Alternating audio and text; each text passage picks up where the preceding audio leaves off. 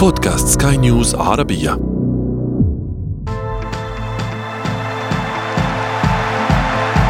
أثير الكرة.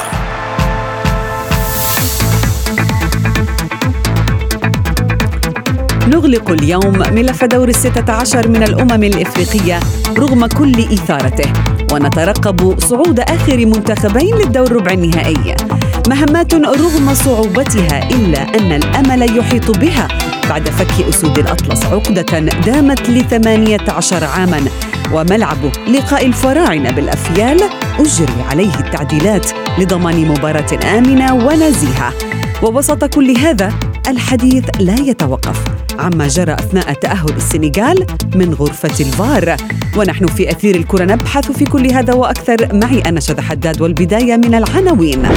المغرب يعبر فخ ملاوي والسنغال تطيح بالرأس الأخضر نحو دور الثمانية.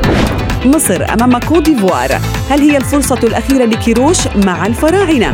وفي فقرة ما لا تعرفونه عن كرة القدم نكشف لكم اللاعب الذي طرد من الملعب بعد تلقيه ثلاث بطاقات صفراء.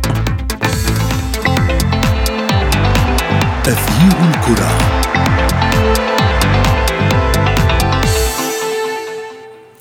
أهلا ومرحبا بكم مستمعينا الكرام في حلقة جديدة من أثير الكرة وفيها طبعا نبارك للمنتخب المغربي بطاقة العبور إلى الدور ربع النهائي من الكأس القارية حيث خاض الأسود مباراة ليست سهلة أمام ملاوي الذي طبعا كان السباق بالتسجيل وفي الدقيقة السابعة من عمر المباراة.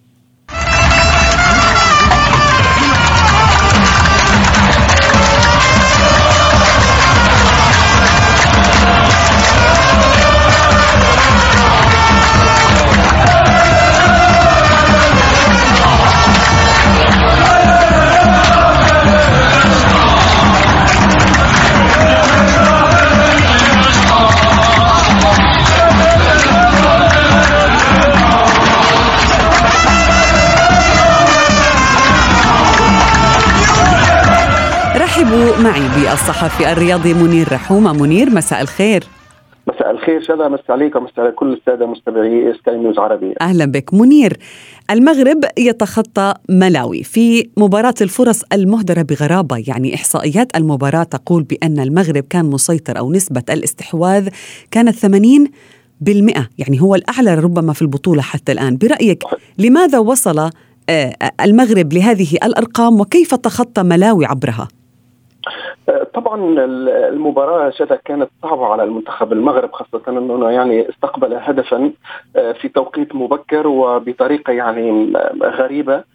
هدف جميل صحيح لكن يعني طريقة تسجيل الهدف كانت غريبة بالنسبة للدفاع المغربي الذي يعني عودنا في هذه البطولة بالاداء المميز. لكن يعني الهدف هذا شاهدنا تراجع كبير جدا يعني منتخب الملاوي مقابل يعني سيطرة كاملة على مجريات المباراة وداخل الملعب بالنسبة للاعبي منتخب المغرب. وهذا ما يفسر النسب الكبيرة في السيطرة والاستحواذ والفرص والركنيات والتسديدات بالنسبة لمنتخب المغرب.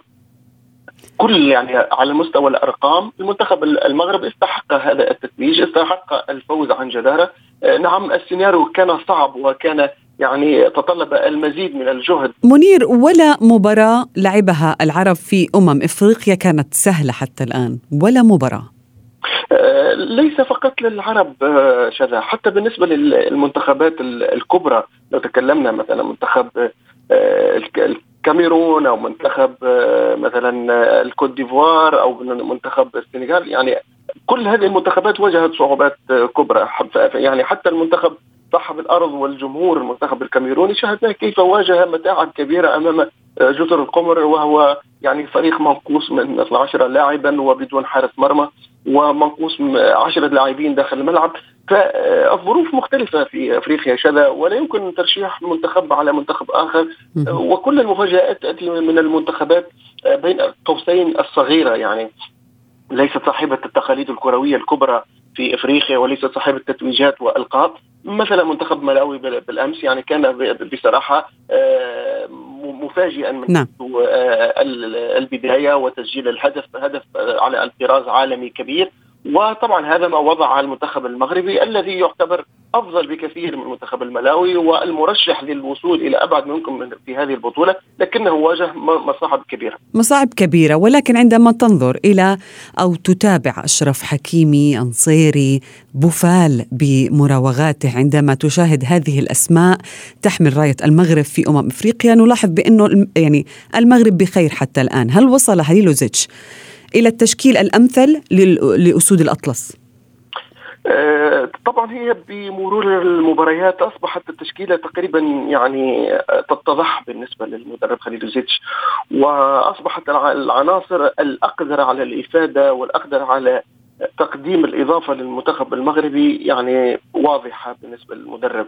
آه، شاهدنا العديد من العناصر التي تفجر طاقاتها. مثلا يعني نتكلم على آه، حكيمي يعني أشرف حكيمي تسجيل هدفين بنفس الطريقة في هذه البطولة يؤكد الإمكانيات الكبيرة لهذا اللاعب والثقة التي يمتلكها وهي التي تنعكس على زملائه اللاعبين داخل الملعب وترفع من مستوى المنتخب وتصل به إلى مستويات عالية.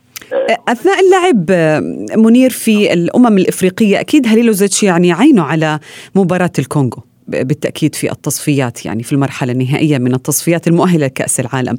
هل سيشارك هليلوزيتش أو هل سيعتمد ذات التشكيل التي هذه التشكيلة التي تعاني بعض الشيء من إهدار الفرص حتى أن التعادل كان صعب بعض الشيء على منتخب المغرب أمام ملاوي؟ صحيح. لكن اليوم إحنا في يعني سياق مختلف تماما وهو كأس أمم أفريقيا. فأعتقد أن الأمور ستكون مفصولة ذهنيا وعلى مستوى التركيز بالنسبة للجهاز الفني واللاعبين اليوم أمام يعني مباراة حتمية للوصول للمربع الذهبي والاقتراب من اللعب نهائي كأس أفريقيا. فاليوم المنتخب المغرب أمام طريق يعني يعتبر واضح وهو لابد من الفوز للمرور إلى المباراة المقبلة. لن يتخلى على أي اسئله الأسلحة ولن يغامر بلعب بأي طريقة مختلفة عن الطريقة التي يؤدي بها خليل زيتش في هذه الكأس الأفريقية.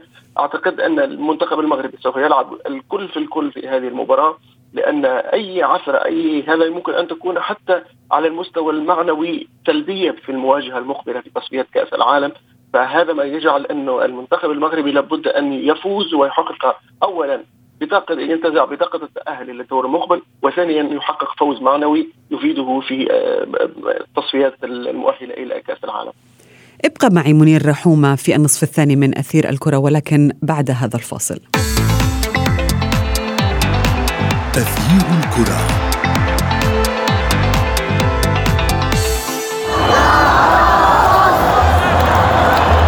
بالخبرات اللي كسبتها بره أو جوه بحاول أدي كل حاجة للمنتخب على قد ما أقدر. بس بحس إن في ناس شوية مستنية أي حاجة عشان تتكلم على صلاح أو على لعيبة تانية. للأسف اللي إحنا عايشين عصر السوشيال ميديا كل ما بتكبر شوية الجماهيرية بتاعت المنتخب ما بقتش موجودة زي الأول.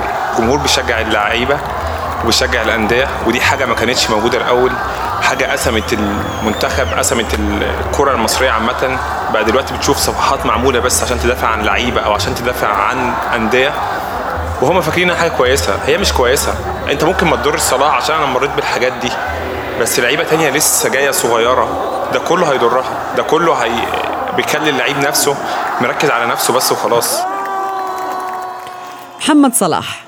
قائد المنتخب المصري الذي يعلق على أكتافه لربما الجماهير المصرية والعربية الكثير من الآمال اليوم لأن يقدم أداء أسطوري كعادته وينهض بالمنتخب المصري أمام كوديفوار إلى الدور ربع النهائي. ولكن يبدو أنه واضح مدى استيائه من كيفية تعامل الجماهير مع لاعبي المنتخب.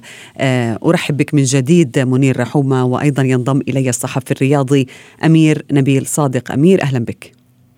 أهلا بك شذا وبكل مستمعي راديو سكاي نيوز عربية. سمعنا ما صرح به صلاح يعني هل بالفعل الجماهير المصرية باتت تشجع أندية ولعيبة بحد ذاتها وتهاجم المنتخب المصري بشكل عام؟ يعني أعتقد أن ما قاله صلاح هو يعني أصاب كبد الحقيقة يعني ما تعاني منه الكرة المصرية في الفترة الأخيرة خاصة على المستوى الإعلامي ليس فقط الجماهيري. يعني هو أمر يعني غير جيد الحقيقة وغير صحي بالنسبة للمنتخب المصري. دائما هناك مقولة آه، شهيرة في الكرة المصرية هو أن المنتخب المصري ليس له جماهير وليس له من يدافع عنه.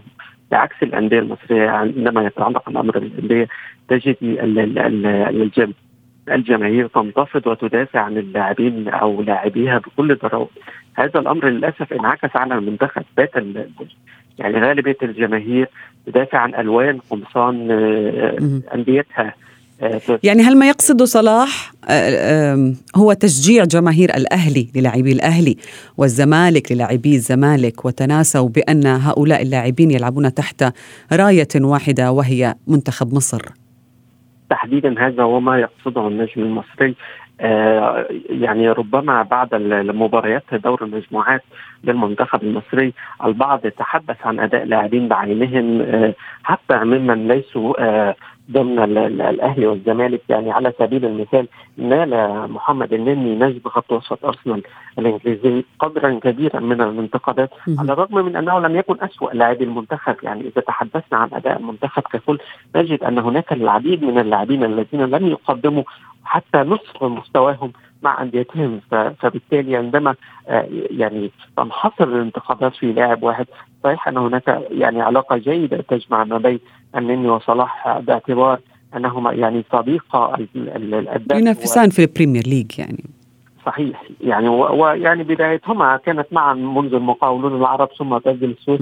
ورحلة الاحتراف في الملاعب الأوروبية ولكن يعني ربما صلاح يتحدث بشكل عام يعني آه، قد ينطبق المثال على النني الذي نال انتقادات كثيرة ولكن آه، أيضا الظاهرة السلبية التي تعاني منها الكرة المصرية وهو تشجيع الأندية بحسب تشجيع المنتخب بحسب انتماءات اللاعبين وهو أمر يعني رأينا آه، وصل لذروته في بطولة كأس العرب نعم. الماضية التي أقيمت العام الماضي وتحميل لاعبين باعينهم أو يعني تحميل لاعبين محددين آه، مسؤولية الإخفاق أو الخسارة آه، مثلما يتحدث البعض عن آه، مصطفى فتحي على سبيل المثال لاعب الزمالك الذي يعني يصفه البعض باللاعب المحلي الذي لا يصلح في تمثيل المنتخب وآخرون نعم. يرون أن عمرو السولية الذي سجل هدف في مرماه بطريقه الخطأ هو السبب في خسارة المنتخب فمثل هذه الأمور تؤثر بالسلب بالتأكيد على لاعبي المنتخب الذي وبالذات لربما المنتخب المصري يعني نلاحظ طوال البطولة هناك العديد من الانتقادات تطال اللاعبين والنجوم وحتى المدرب بغض النظر عن فكره وتدريبه ولكن في الوقت ذاته آه، منير يعني صلاح أيضا والنني. يعني متهمان بأنهما لا يقدمان المستوى ذاته الذي يعني يقدموه في ال Premier League خصوصا صلاح. يعني أين المستوى الذي مكنه من خطف أهم الألقاب على ساحة اللعبة؟ لماذا هذا الاتهام برأيك تجاهه؟ هو طبعا سؤال مشروع بالنسبة للجماهير خاصة لما نتكلم على محمد صلاح. المرشح لجائزة The Best منذ أيام قليلة وهو متصدر هدافي الدوري الإنجليزي ب 16 هدف. آه هذا أمر مشروع بالنسبة للجماهير لكن هناك يعني العديد من العوامل التي يعني آه تتداخل في آه سبيل إظهار مستوى هذا النجم سواء بما ينتظره الجمهور أو بما يخيب أمال الجمهور. ونحن اليوم نتكلم على مثلا بطولة مختلفة بطولة يعني مختلفة عن الأجواء الأوروبية مختلفة عن المركز الذي يلعبه محمد صلاح في ليفربول وتركيبة الفريق التي يعني آه، جعلها كلوب يعني آه، تخدم محمد صلاح بالتحديد في في في الأداء وللاستفادة من من هذا النجم العالمي الكبير، لكن لما نتكلم اليوم مع كيروش وطريقة اللعب منذ تولي هذا المدرب يعني قيادة المنتخب المصري إلى اليوم هناك العديد من المشاكل الفنية حقيقة داخل الملعب. وهذا ما يمكن أن يؤثر على أداء النجوم البارزين مثل محمد صلاح ولا يعني نشاهد المستوى الحقيقي الذي يميز هذا اللاعب لكن نعم. محمد صلاح هذا لا يعني يفسر أو يبرر أنه لاعب يعني مطالب بتقديم الأفضل. ولكن أمير يعني بدي أكمل على كلام منير يعني.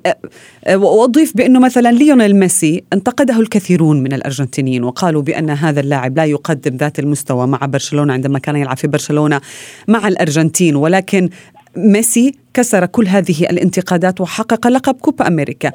وتشعر بأن الجماهير رضيت عنه بعض الشيء. هل صلاح في حال حقق الأمم الإفريقية هل سينال المديح أم أنهم سيقولون ليس صلاح الذي حقق هذا اللقب وإنما المنتخب المصري؟ آه منذ بداية انطلاق بطولة كأس الأمم الأفريقية كان هدفا واضحا أن محمد صلاح هو أنه لم يحقق لقبا كثيرا. هو هو بنفسه اعترف بذلك أنه لم يحقق لقبا مع المنتخب المصري رغم ما حققه على صعيد الأندية خاصة ليفربول. وبالتالي هو يسعى لتحقيق لقب كبير مع المنتخب المصري.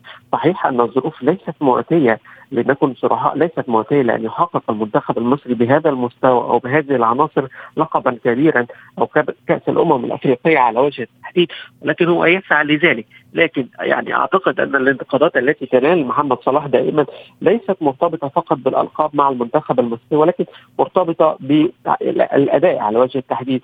يعني لا ننسى أن مشوار تصفيات كأس العالم 2018 ربما محمد صلاح تحمله بمفرده بعدد الأهداف التي سجلها أو ساهم فيها. حتى صحيح. ركلة الجزاء التي سجلها في مرمى آه، منتخب الكونغو كانت آه، بتوقيع محمد صلاح. رغم الظروف الصعبة والمعسكر والأجواء التي كانت تحيط بصلاح. لكن آه، يعني ربما تشعرين بأن الجماهير اعتادت على أن تنتقد صلاح لأي سبب كان. يعني ربما البعض يشعر أن الأداء ليس هو ذاته الذي يقدمه. التدخلات الفردية ليست مثلما يفعل مع ليفربول ربما يقدم أشياء أفضل بكثير مع ليفربول فبالتالي الأمر ربما لا يتعلق بالبطولات بقدر ما يتعلق بالأداء. صحيح أن هناك عديد النجوم لم يقدموا نفس مستواهم مع أنديتهم في منتخبات أخرى على غرار رياض محمد ولكن دائما ما يكون المنتخب هو فرصة للتعويض يا أمير يعني منير ماذا يحتاج المنتخب المصري اليوم لعبور محطة كوديفوار كيف يمكن أن يقنع الجماهير بأن المنتخب المصري يحق له التتويج بهذا اللقب؟ طبعا هو يعني ما شاهدناه آه، بالنسبة للمنتخب التونسي مع نيجيريا هو اليوم ما ننتظره مع المنتخب المصري أمام الكوت ديفوار. أعتقد هي الثقة الثقة في النفس والإداء الأداء القتالي والروح القتالية داخل الملعب. المنتخب المصري يملك يعني نجوم يملك مستويات فنية جيدة يملك مدرب قادر على إدارة المجموعة بشكل إيجابي. يعني اليوم المسؤولية على اللاعبين. اليوم لا مستحيل داخل الملعب. هناك روح قتالية هناك مستوى وجهد بدني لابد أن يقدم داخل الملعب. الثقة في النفس هي السبيل المنتخب المصري للانتفاضة في هذه البطولة وتجاوز منتخب كوت ديفوار ساحل العاج ولكن هو يلعب ضد منتخب يا أمير منتخب خطير. بأجنحته تحديدا يعني. ما هي الأوراق التي سيدفع بها كيروش برأيك؟ الحد من النزعة الهجومية للأفيال وسط أيضا عقم هجومي للمنتخب المصري لربما يعني هناك أزمة أيضا في الأجنحة المصرية. هناك بعض الأمور التي يجب أن تعدل قبل أن يدخل كيروش المباراة أمام الأفيال.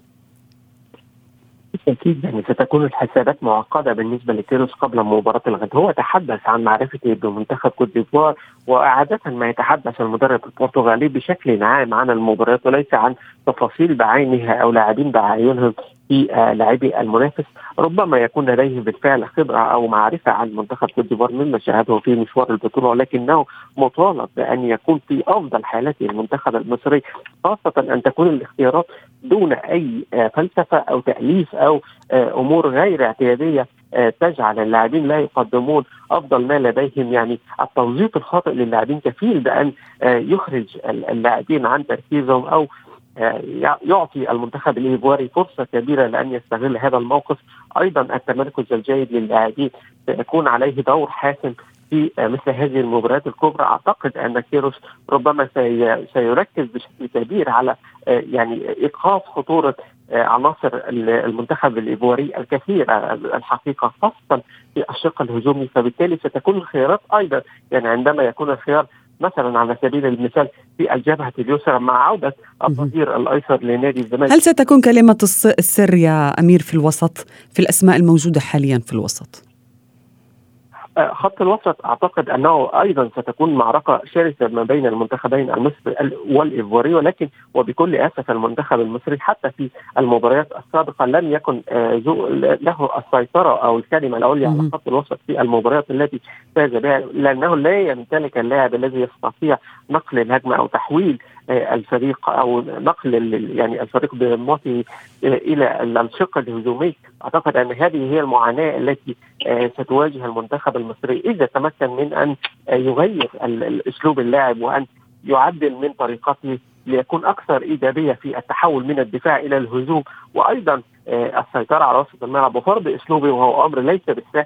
يكون هناك يعني تفوق للمنتخب المصري وربما تكون الأمور لصالحه أمام الافياد نعم منير ما هي احتمالية أن نشاهد ديربي عربي مثير في ربع النهائي؟ هل سنشاهد المغرب أمام مصر؟ طبعا المغرب يعني حجزت مقعد مصر. دور الطرف الثاني أنا يا منير. لكن المنتخب المصري اليوم يعني شخصيا شخصيا يعني أراهن على زملاء محمد صلاح لتخطي الكوت ديفوار، منتخب الكوت ديفوار ليس بأفضل من منتخب مصر ونجوم منتخب مصر وبالروح وبالعزيمة وبالإرادة القوية أعتقد أن المنتخب المصري قادر على اللحاق بنظيره المغرب والوصول إلى الدور ربع النهائي. أمير بشكل سريع توقعاتك هل سنشاهد المغرب تلعب مع مصر في ربع النهائي؟ أتمنى ذلك ولكن يعني أعتقد نتمنى جميعا ذلك بل لكن تتوقعوا؟ أتوقع لو مصر تكون صعبة على المنتخب المصري لكن لو فاز أعتقد أنه سيواصل طريقه طويلا في هذه البطولة. نعم شكرا جزيلا لكم ضيفي أمير نبيل صادق ومنير رحومة في أثير الكرة.